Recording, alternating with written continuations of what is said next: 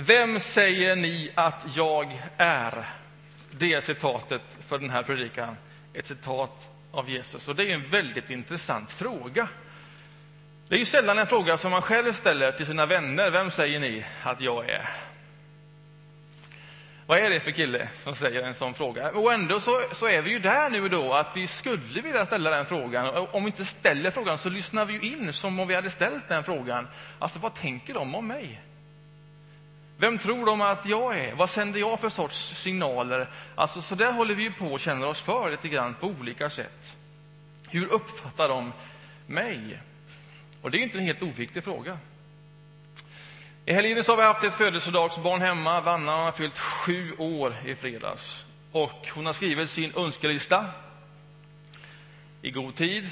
Den har vi levt med ett tag. Och sen, sen bockar hon av allt eftersom det, det faller in saker på den här listan. Så man måste vara rädd om den här listan. Och så står det på en punkt vad hon önskar sig, så står det Jag önskar mig en kanin.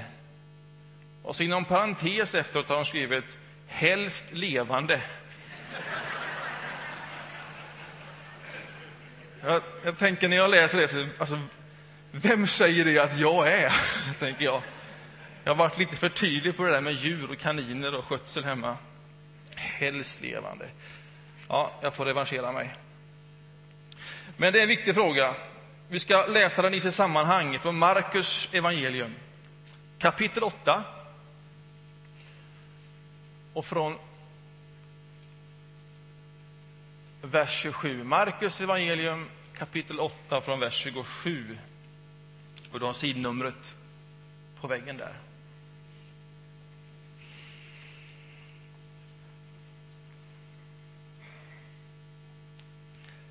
Sedan gick Jesus och hans lärjungar bort till byarna kring Caesarea Filippi. På vägen frågade han dem vem säger människorna att jag är?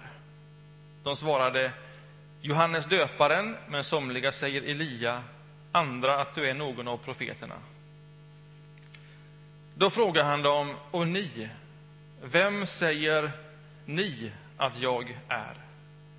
Peter svarade, du är Messias. Men han förbjöd dem strängt att tala med någon om honom. Amen. När Markus, som återger det här, när han ska berätta sin berättelse, sitt evangelium, så gör han ju det dels i det att han återger det han har varit med om, det han har hört, en berättelse som den här. Men han berättar också sin berättelse genom hur han placerar berättelser bredvid varann. Alltså vart berättelserna hamnar i en struktur. Han berättar också med strukturen. Och alldeles, alldeles innan den text vi nu läste så finns det en kort liten berättelse eh, om hur en blind man blir förd till Jesus och hur man ber Jesus att lägga händerna på honom. Hur han spottar mannen i ögonen och sen lägger händerna på mannens ögon och sen frågar om han ser.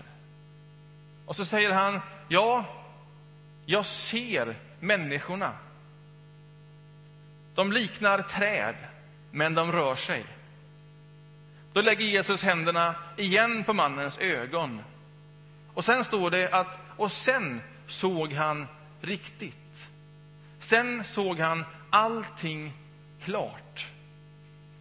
Den berättelsen den kommer precis före den berättelsen som vi nu har läst. Och innan den berättelsen så står den berättelsen som vi läste förra söndagen.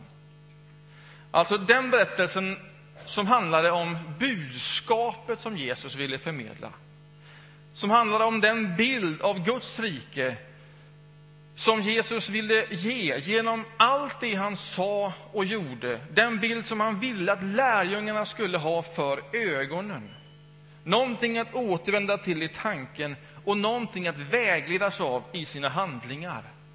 Och där var citatet Akta er noga för fariseernas och Herodes surdeg. Alltså låt ingenting få korrumpera den bild av Guds rike som jag vill måla upp för er. Vad detta riket är. Att det inte är avgränsat till en liten grupp, utan att det gäller alla människor. Att det inte kommer genom makt ovanifrån, utan genom tjänande underifrån. Det budskapet det är så enkelt och det är så radikalt. Förstår ni det? Det var frågan. Om man då får fatt i detta budskap som vi talade om förra söndagen. Om man har bilden framför sig om hur det gäller alla och hur det kommer underifrån genom tjänande. Har man då kristen tro? Har man fått det då? Ja, så verkar det som om Markus vill säga nej, det vill till någonting mer.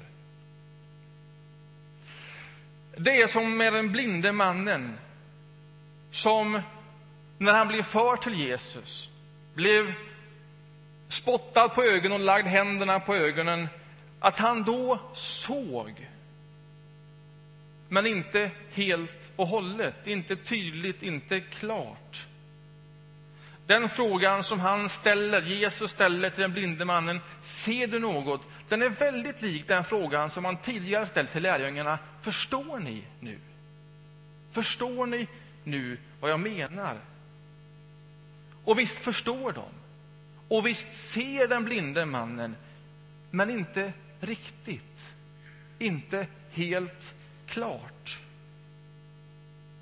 Och sen lägger Jesus händerna igen på ögonen.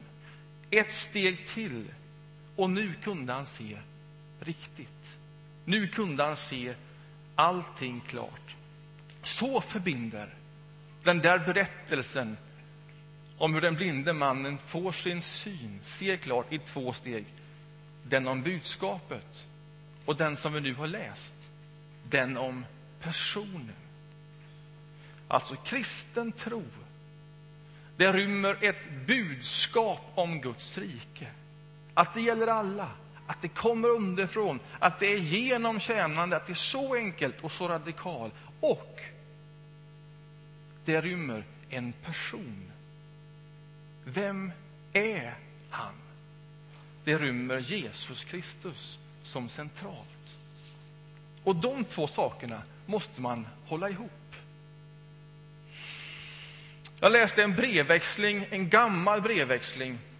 Jag har återgett den tidigare för några år sedan här. En brevväxling mellan Stanley Jones, kristen missionär i Indien. Det här är i mitten på 1900-talet. Där han ställer en fråga till Gandhi, hans, hans då vän, i ett personligt brev. Och då skriver Stanley Jones till Mahatma Gandhi så här. Ni har fattat principerna, men gått miste om personen får jag föreslå att ni genom principerna, alltså detta budskapet om Guds rike, att ni genom principerna tränger fram till personen och sen kommer tillbaks till oss och säger oss vad ni har funnit. Och jag säger inte detta blott och bart som kristen propagandist. propagandist. Jag säger det emedan vi behöver er och den belysning ni kunde ge oss om ni verkligen fattar huvudpunkten, personen. Då får han ett omedelbart svar av Gandhi. Då han skriver, jag uppskattar den kärlek brevet ger uttryck för och den vänliga tanken på min salighet. Men min svårighet är av varaktig art. Andra vänner har påpekat den för mig före detta. Jag kan inte nå fram till en ståndpunkt genom intellektet Hjärtat måste bli berört. Saulus blev inte Paulus bara genom intellektuell ansträngning utan genom att något berörde hans hjärta. Allt jag kan säga är att mitt hjärta är absolut öppet. Jag har inga baktankar. Jag önskar att finna sanningen, att se Gud ansikte mot ansikte. Men där stannar jag. Kom till Ashram när du får tid. Vem säger människorna att jag är? Vem är personen? Ja, men igen, det är en märklig fråga. Alltså, varför är Jesus så upptagen av sig själv. Kan det vara så viktigt att veta vad andra tycker om mig? Och Samtidigt är det ett återkommande drag hos Jesus att han är upptagen av sig själv. Drag som vi inte ser som normala drag. Någon som säger jag är livets bröd. Jag är sanningen. Jag är livet. Jag är vägen. Det som kommer till mig ska aldrig någonsin hungra, ska aldrig någonsin törsta. Jag. Antingen, antingen ligger det någonting i vad han säger. Att någonting, ja det centrala i kristen tro, är knutet just till förhållandet med honom som person. Eller också är han helt knäpp, för ingen säger så annat om sig själv. Alltså det här måste man förhålla sig till. Personen Jesus. Vem säger människorna att jag är? Ja, men de säger olika saker. Någon säger Johannes döparen eller Elia, eller någon säger att det är någon av profeterna. Alltså det är någon som lär oss någonting, alltså principerna om du så vill, eller budskapet. Någon i raden av andra viktiga röster. Någon i raden av andra viktiga lärare. Så tänkte Gandhi. Och därför kan han skriva i, sina, i sin memoar att korset är ett exempel för hela världen att följa. Han hade inga problem med, med Jesus som en av många viktiga röster. Men sen verkar det som om Jesus inte helt och hållet nöjer sig med det. Inte bara nöjer sig med frågan om vi förstår. Så här, va? Om vi har fatt i bilden. Utan vill ta det ett snäpp till. Till det som inte bara har med intellektuell reflektion att göra. Det är som om man vill göra det än mer personligt. Vem säger inte bara människorna att jag är, utan ni. Och ni, vem säger ni att jag är? Och nu blir Jesus personlig. Det som var ett sorts allmänt samtal där man kunde förhålla sig intresserad eller distanserad eller att man kunde intellektuellt resonera kring frågeställningen Ja, men nu har han tagit det ett snäpp till. Nu är han intresserad av dem. Alltså vad de, just de som står där framför honom, vad de säger vem han är. Det blir en personlig fråga. Och det är fortfarande en personlig fråga. Och vad ska de svara på den? Ja, svaret som kommer, det kommer ju ur deras egen erfarenhet, av vad de har sett och vad de har hört. Du är Messias, och med det menar ju Petrus inte Guds son, den andre i gudomen. Det här var ju innan uppståndelsen, innan deras ögon öppnas helt och hållet. Med Messias menade han, du är den som är väntad, den som ska befria Guds folk, den som ska skapa fred. Och det de hade sett, det var nog. Han var den de väntade på. Han var den som kunde fylla de behov som de hade. Han var den som de behövde. Han var den som befriade människor. De hade sett det klart och tydligt. Han var den som kunde skapa frid och fred. De hade sett det, det hade kommit under skinnet. Han var Messias. Den som var sänd av Gud, den som de behövde. Och den här frågan, den ställs när Jesus tar dem bort från byarna. När de är borta från människor, när de är ensamma. Det liksom förstärker det personliga och Jesu intresse i vad, inte bara människor, utan vad de tänker om honom. Och sen när de säger ja men du är Messias, du är den vi behöver, då ber han dem att vara tyst om det. Strängt ber han dem att inte säga det till någon. Varför gör han det? Ja, så här tänker jag. Om nu inte Jesus bara var en av många, om det inte bara var goda principer att följa, utan om det verkligen var han som de väntade på, om han var den som de behövde, om han var den som kunde befria, som kunde skapa fred och frid, ja, men då var det ju honom som de skulle göra till sitt livs centrum. Eller hur? Då var det honom som de skulle följa. Då skulle hans agenda helt och hållet bli deras agenda. Då skulle att följa honom innebära inte bara att man valde honom, utan att man valde bort andra röster. Och det skulle innebära ett hot. Det skulle förtydligas hur central han var. Att han verkligen var den centrala personen, inte bara i deras liv, utan i ett mycket större perspektiv. Och, och, och, det statementet det skulle ju skynda på den process som var oundviklig. Att han skulle tillfångatas, ställas inför detta faktum, denna bekännelse. Var han verkligen den? Trodde han så om sig själv? Och det skulle han ju svara på, eller åtminstone inte alls förneka. Det var oundvikligt. Men inte än. Nu var det inte påsk. Processen fick inte gå för snabbt. Vem säger ni att jag är? Jag har ett uppriktigt svar på den frågan. Och ett svar av den karaktären. Du är den vi behöver. Du är den vi har väntat på. Du är den som är kapabel att befria och skapa fred och frid. Ett sånt personligt svar, det får konsekvenser. Det gör någonting när vi svarar på den frågan. Och den frågan, den är inte för alla och en gång svarad på.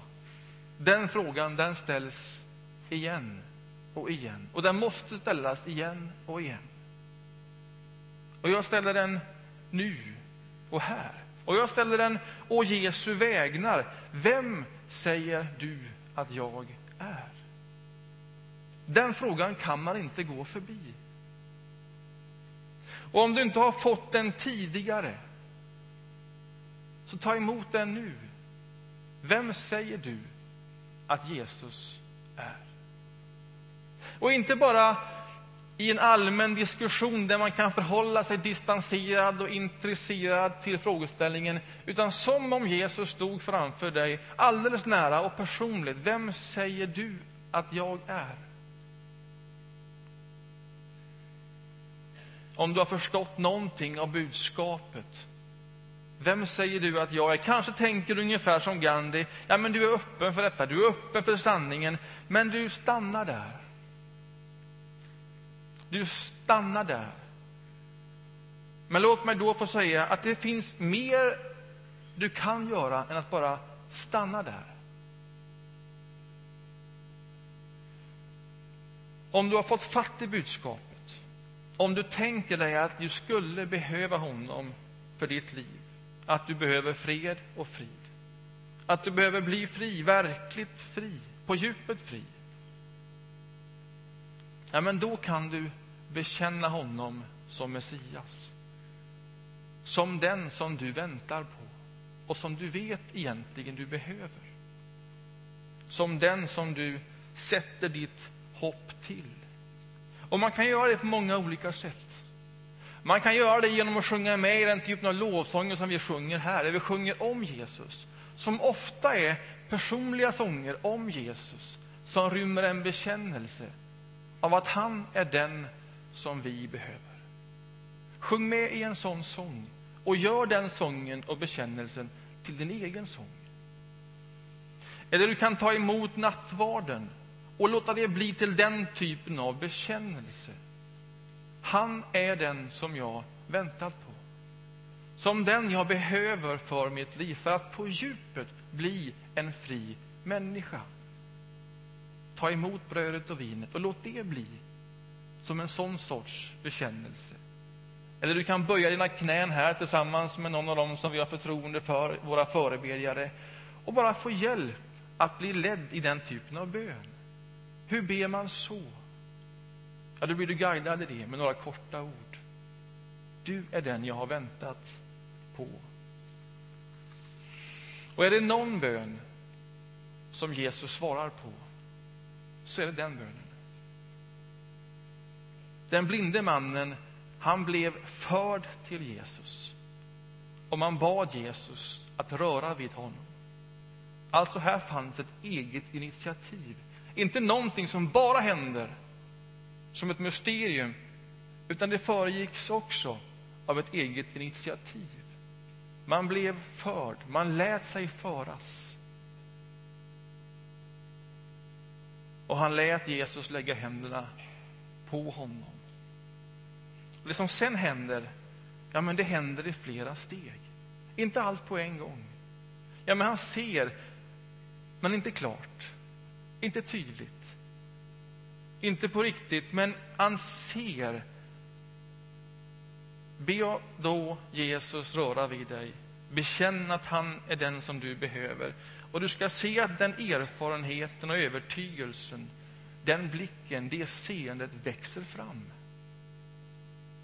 Så blir Jesus central i ditt liv. Och det framväxandet, det kan ta, det får gärna ta, ett helt liv.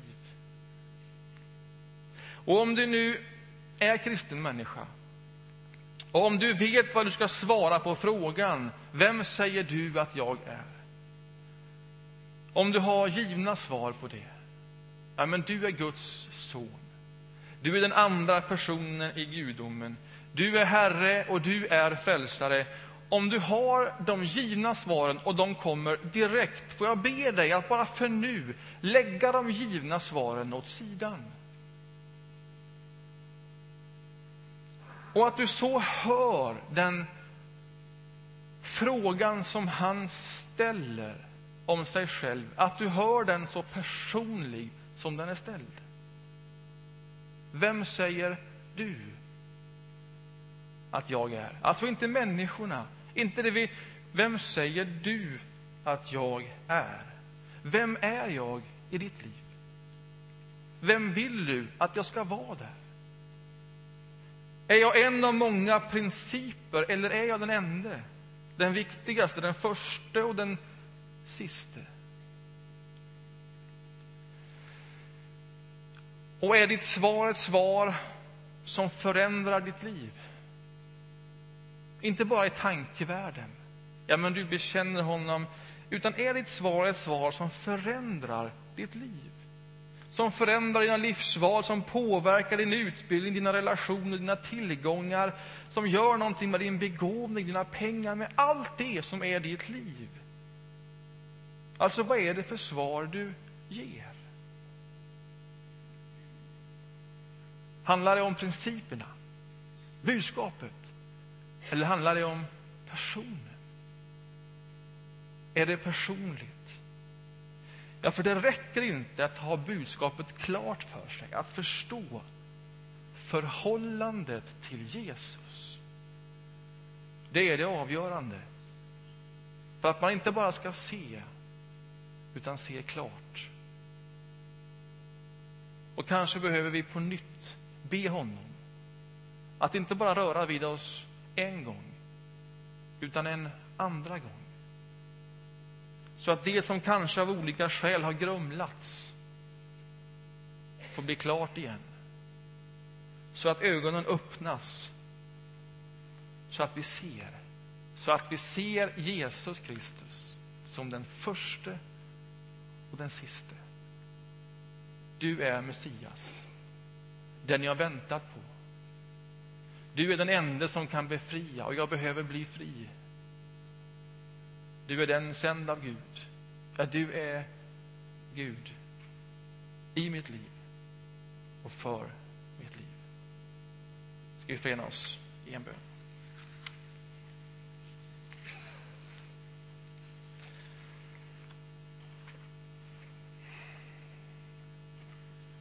Herre, tack för, för ditt ord och de berättelser som vi, som vi läser.